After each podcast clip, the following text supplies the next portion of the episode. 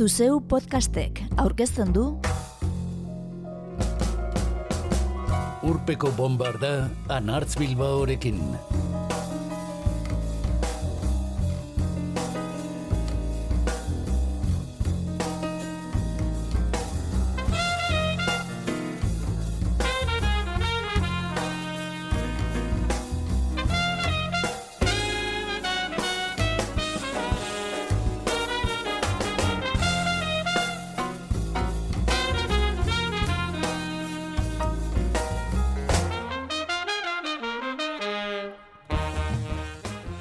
Urpeko bombarda berri bat argitaratzear ginela, Elizabeth bigarrena hilda, aro bat amaituz. Irakurri dugu berria egunkarian, eta gaia era bat aldatuta, zaio berri bat atondu dugu atoan. Balmoralgo jauregian, Eskozian hilda larogeita masei urteko estatu burua. Berria egunkarira bueltatu gara. Berea izan da erresuma batuko agintaldirik luzeena, naiz eta azken urteetan gero eta bete behar gehiago utzi Charles Printzearen esku. Irurogeta mair urtekoaren semea da orain errege. Gaur, urpeko bombarnan erreginari eskainiko diogu zaioa, eta ez bakarrik zendu berria den ingalaterrakoari. Eta entzungo ditugu The Smiths, The Stone Roses, Pet Shot Boys, Labazu, Queens of the Stone Age, Little Richard, Queen, Seu, Anchón Valverde, Philip Catherine, Perro, Sex Pistols, Escorbuto eta The Beatles.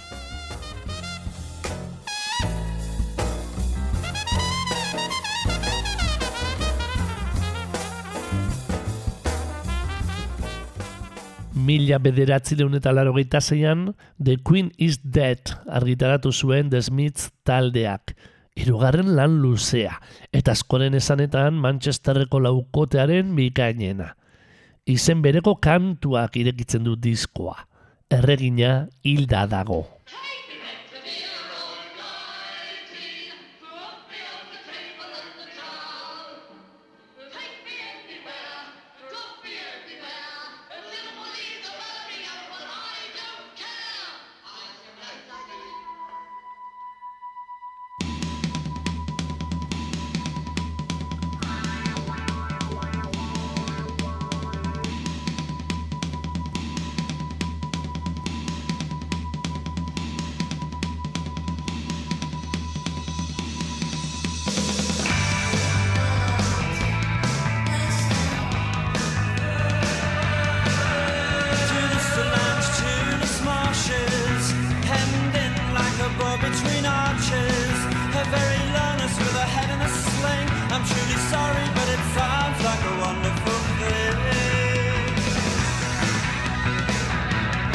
I said, Charles, don't you ever crave to appear on the front of the Daily Mail?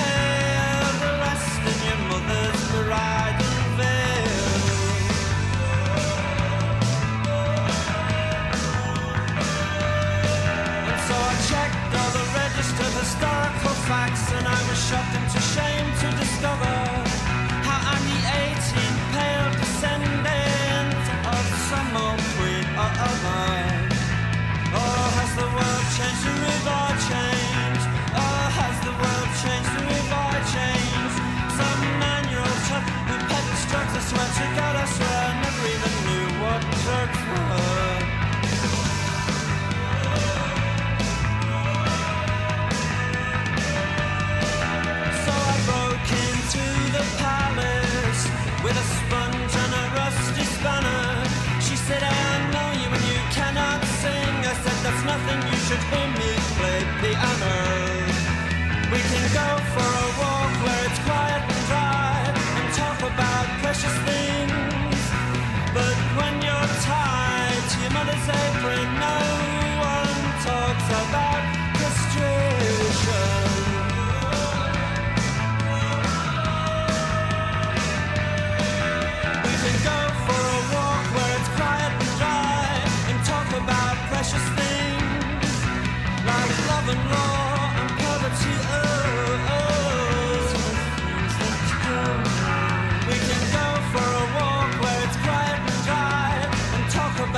precious thing.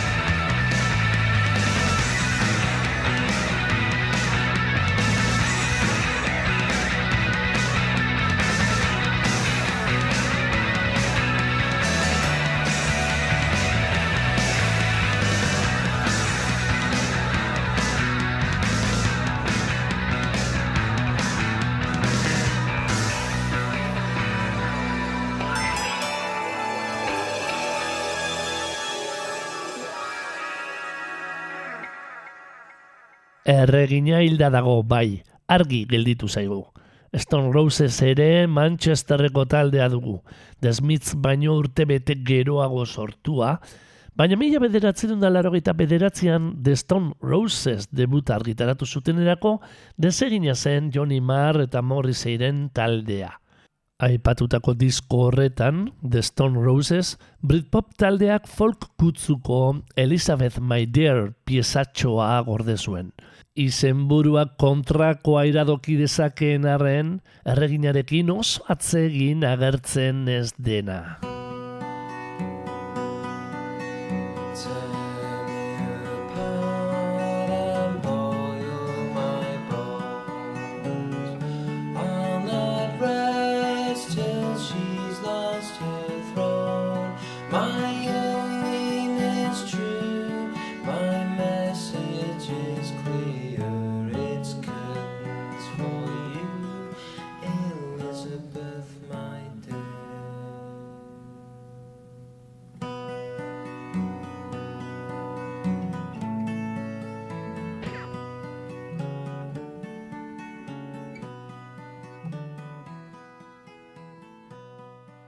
Elizabeth Maitea entzun berri dugu The Stone Roses taldeko Ian Brownen ahotzean. Eta Pet Shot Boysekin itxiko dugu saioa ireki digun irukote Britaniara.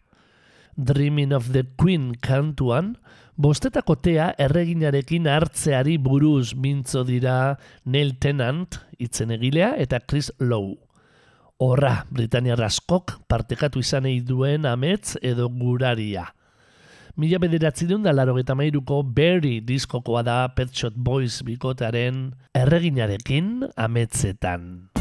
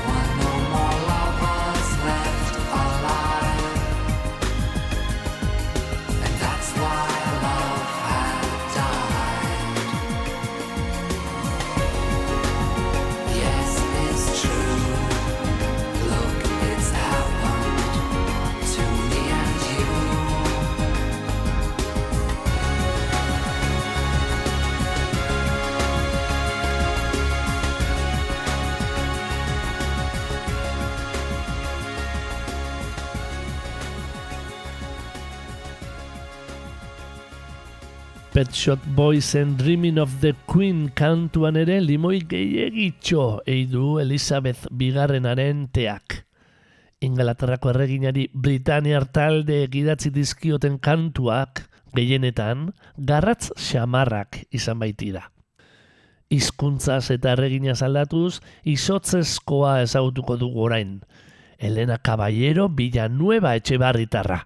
Labazu rap kantari bizkaitarra. Horrela si esan zigun 2008ko diskoan, ni naiz izotz erregina.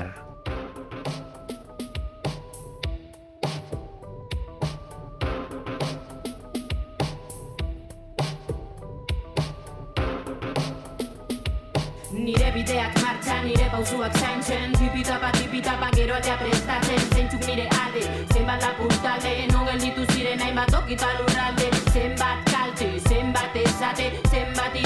Gelditzen diren barne Momentua hauze, oiukatu indarrez Eutxi egurre, piztuak elarre Arnaza hartu, tipitapa, tipitapa Arnaza hartu, tipitapa, tipitapa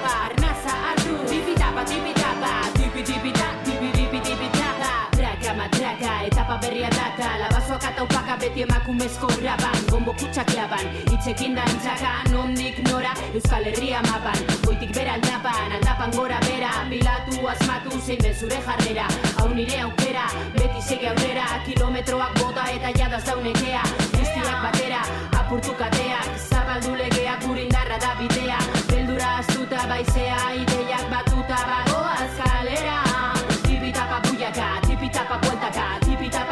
azkagetezan, libreak gara Oinak lurrean, ametsak airean Erabakiak beti inoren aginpean Nire buruan, nire hotzean Zuen gorrotoak indartzen dute nire gogoak Eta jarraitzen dugu jokoan Nire estanda, nire txanda hause ba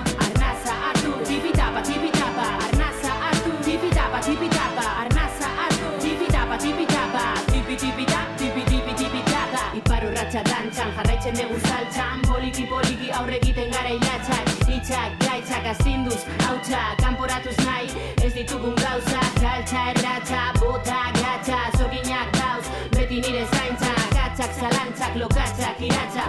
Alde mendik kanpora, jo eta altza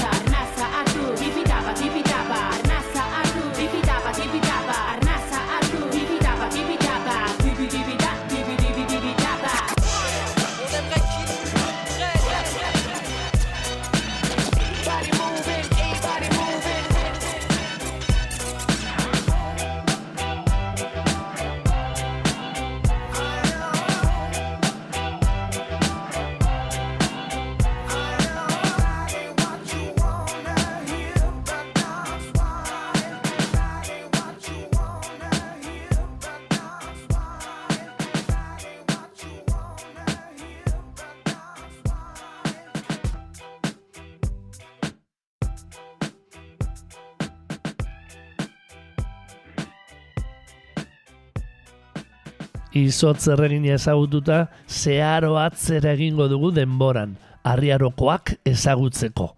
Historia aurrekoak, kristo aurreko 6.000 eta 2.000 urte bitartekoak. Bai lagun, Josh Homek Nick Oliverirekin batera Kius desegin ostean sortu zuen Queens of the Stone Age talde erraldoiari buruz mintzo gara. Zazpilan luze plazaratu dituzte, eta milurteko aldaketarekin batera eman zuten Rated Air bigarrenarekin lortu zuten nazioarteko ospea. Geroagoko batzuk bezain bortitza ez denarren, bertan gordetzen da guk Kaliforniarren kantutegitik kutxunenetakoa duguna. Sekretu bat gordetzearen arte galdua.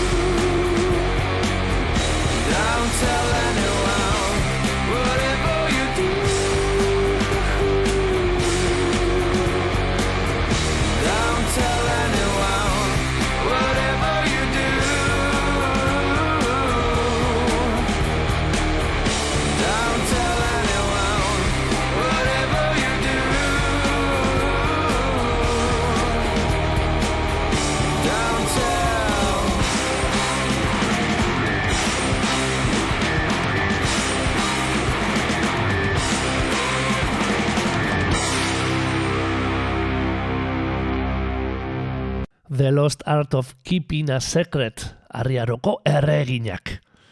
Poparen erregina deitu izan zaio Madonari, eta inoiz Wanda Jackson edo Tina Turner ere hartu izan dira rockaren erreginatzat. Rock and rollean, baina Elvis Presley koroatu zen errege. Berrogeita marreko amarkadan beltzek sortutako musika genero berria ezagutzera emateagatik lortu zuen sona baliatuta.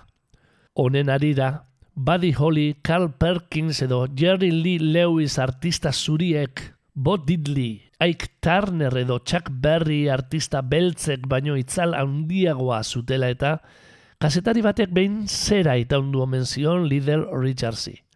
Ea zer iruditzen zitzaion Elvis Presleyri The King of Rock and Roll deitzea.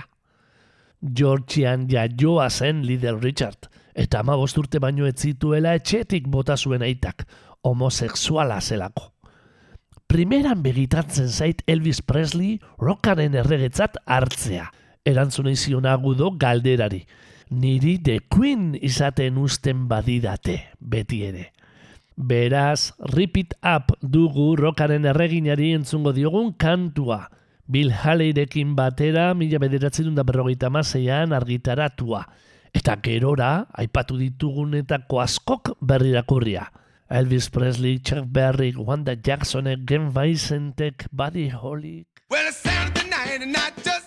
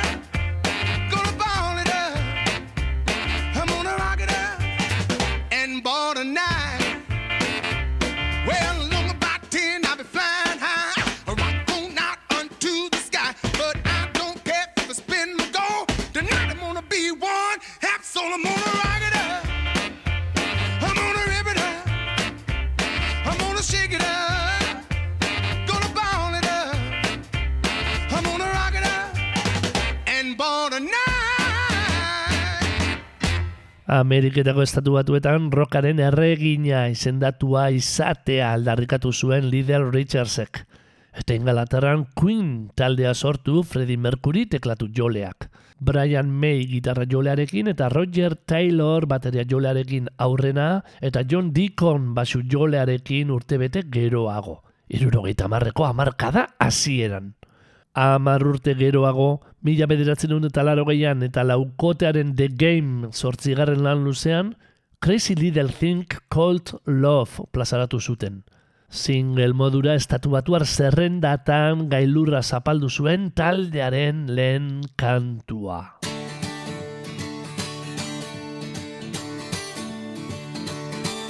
This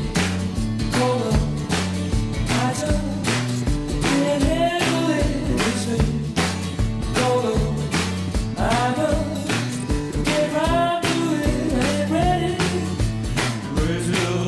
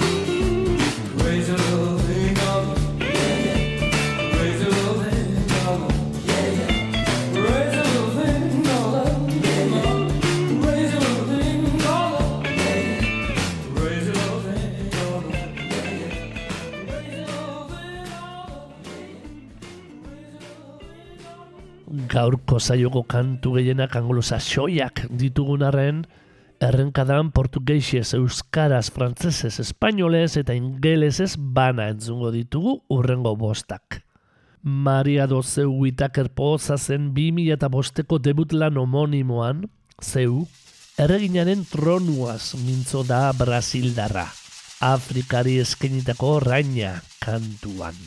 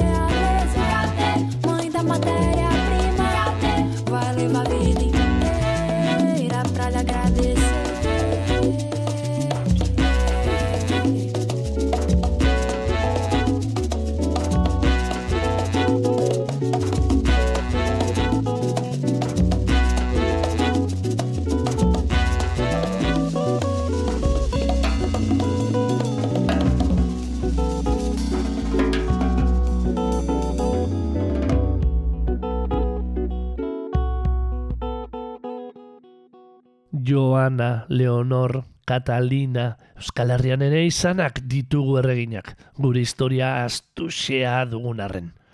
Eta zeuren erregina entzunda, Antxon Balberde entzungo dugu. Xavier Leteren Nafarroako azken erreginak Donapaleun olerkia kantatzen. Mila bederatzen dut laro gehieta mazazpiko, lauro gehieta mazazpi diskoan. Bila marka aurretik, Imanol Larzabaleek egin zuen bezala – Mila bederatzen dela larogeita bosteko, oroituz lanean.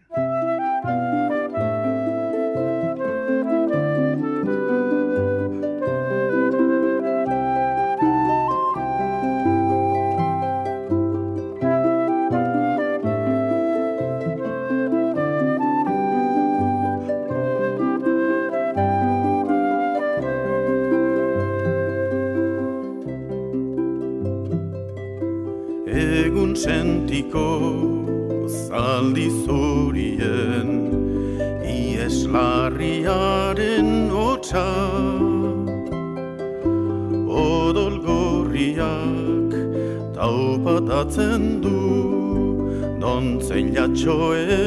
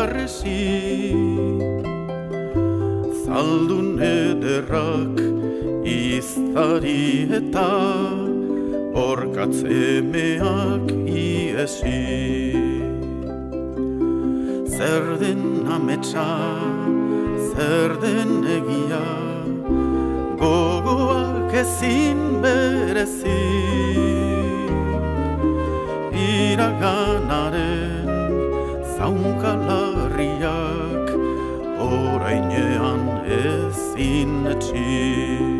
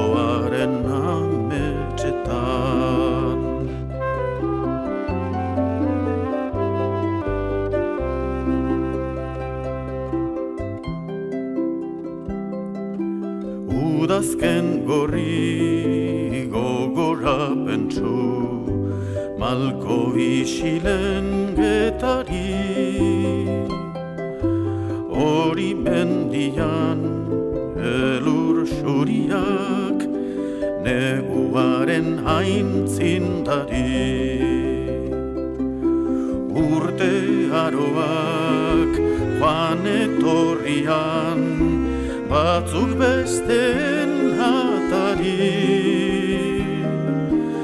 Eriotzaren begi uzkurra Gauta egon zelatari aroak joan etorrian Batzuk besteen atari. Eriotzaren begi uzkurra Gauta egon zelatari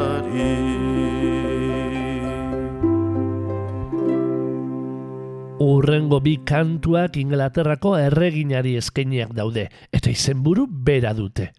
La Reine d'Angleterre, Philip Catherinenak, eta La Reina de Inglaterra, perro taldearenak. Philip Blancharten izen artistikoa dugu Philip Catherine. Frantzian ezaguna dena musikari gisa argitaratu dituen lanengatik ez ezik, makina bat filmetan egin dituen antzesle lanengatik. Musika harina jorratzen du, ezoiko hitz ironikoz eta eszenaratze bitxiz. 2008ko Here Comes Catherine diskoko La Reine de Inglaterre kantuan, kaixo, erresumako erregina naiz eta zura aurpegian kaka egiten ari naiz dio. Zura aurpegian kaka egiten ari naiz. Mundua perfektua delako. Bonjour, je suis la reine d'Angleterre et je vous chie à la reine. Bonjour, je suis la reine d'Angleterre et je vous chie à la reine. Je vous chie à la reine car le monde est ainsi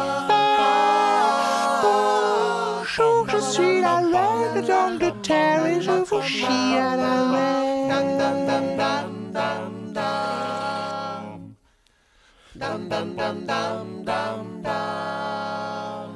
Hello, I am the queen of kingdom and I am shitting on your face. Hello, I am the queen of kingdom and I am shitting on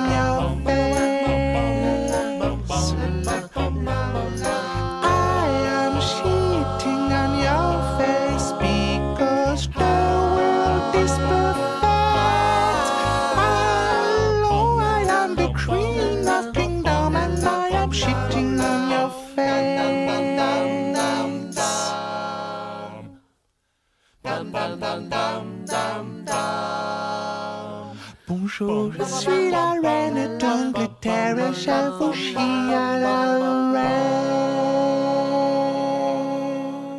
Adar jotzaile etorri zaigu Philip Catherine, eta pop fresko eta sirikatzailearekin jarraituz, gitarrak zorrostuta dator Murtziako perro talde Espainiarra. 2008ko Tiene Bakalau, Tiene Melodia diskoan, Ingalaterrako erreginaren ilobak direla diote. Su cara buena salen todas las monedas. Txamponetan ez ezik, datozen egunetan edabide guztietan izango dugu Elizabeth bigarrenaren bizaia.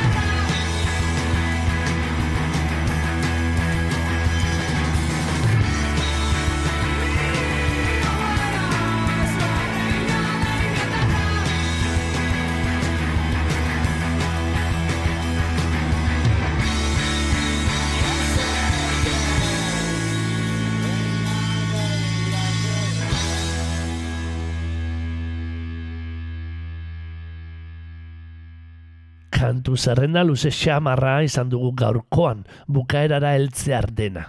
Orain, eta azken burukotzat The Beatles utzita, punk doinuak entzungo ditugu segidan. Izan ere, Ingelaterrako erregina eta musika ipatuta, Sex Pistols izango da askori burura etorri zaion lehen taldea. Mila bederatzen da irurogeita mabostean Londonen sortua, sekulako kalapita eragin zuen bi urte geroago argitaratu zuen lan bakarrarekin. Nevermind the Bollocks, Here's the Sex Pistols. Diskoko bigarren singela zen Good Save the Queen, jainkoak gorde dezala erregina.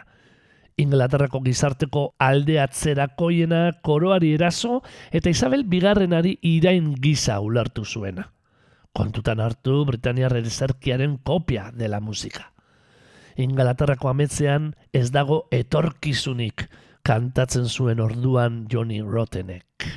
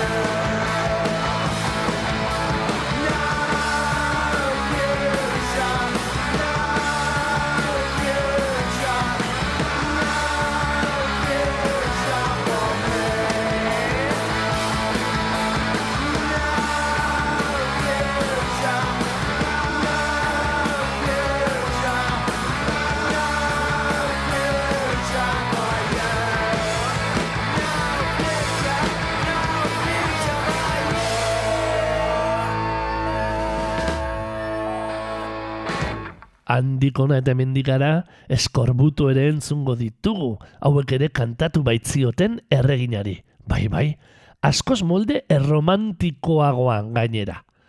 No future espiritua galdu gabe, maitasuna besti ederra da adios reina mia. Mila bederatzen da laro maikako demasiados enemigos zeigarren diskokoa. Jatorrezko irukoteak, hau da Josu Espositok, Juan Masuarezek eta Paco Galanek grabatu zuten azkena.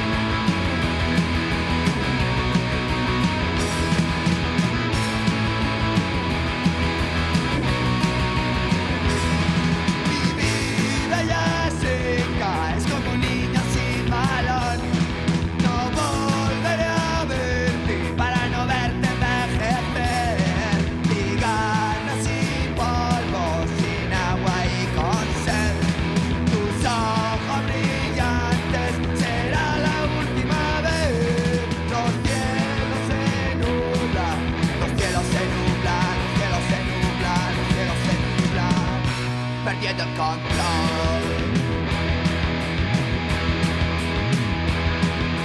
Quando me marci non mi olvidare di Quando me marci non mi olvidare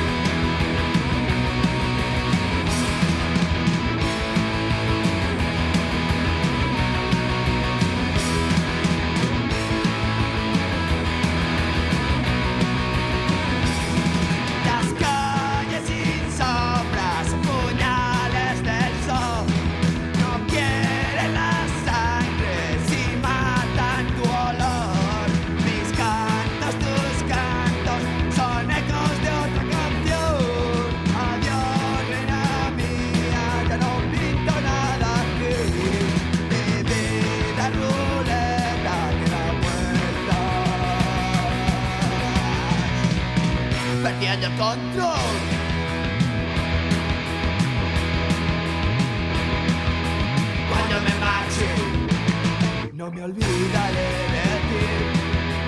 Cuando me marche, no me olvidaré de ti. Cuando me marche, reina mía, no me olvidaré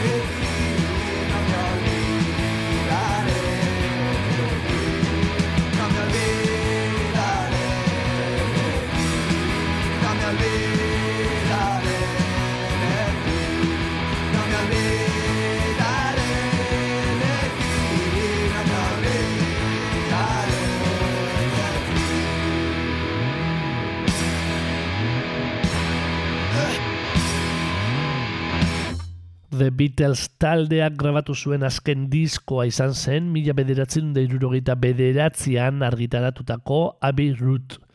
Aurretik grabatutako Let It Be urren urtean plazaratu bazuten ere, mila bederatzen da irurogeita marrean. Diskoa, minutu erdi eskazeko Her Majesty kantutxuarekin bukatzen da. Gaur urpeko bombarda itxiko duena. Ingalatarako erreginari eskainitako aire goxoa. Hitzetan, umore finez, neska polita da, baina gutxi du esateko, dio Paul McCartneyk. Oraino gehi urte 2008an erreginak menderdiko agintaldia betetzen zuela eta The Beatles taldeko basu jole izandakoak zuzenean jozion kantua Elizabeth bigarrenari. Buckinghameko jauregian. Majesty's a pretty nice girl, but she doesn't have a lot to say. Her Majesty's a pretty nice girl, but she changes from day to day. I wanna tell her that I love her a lot, but I gotta get a belly full of wine. Her Majesty's a pretty nice girl, someday I'm gonna make her mine, oh yeah, someday I'm gonna make her mine.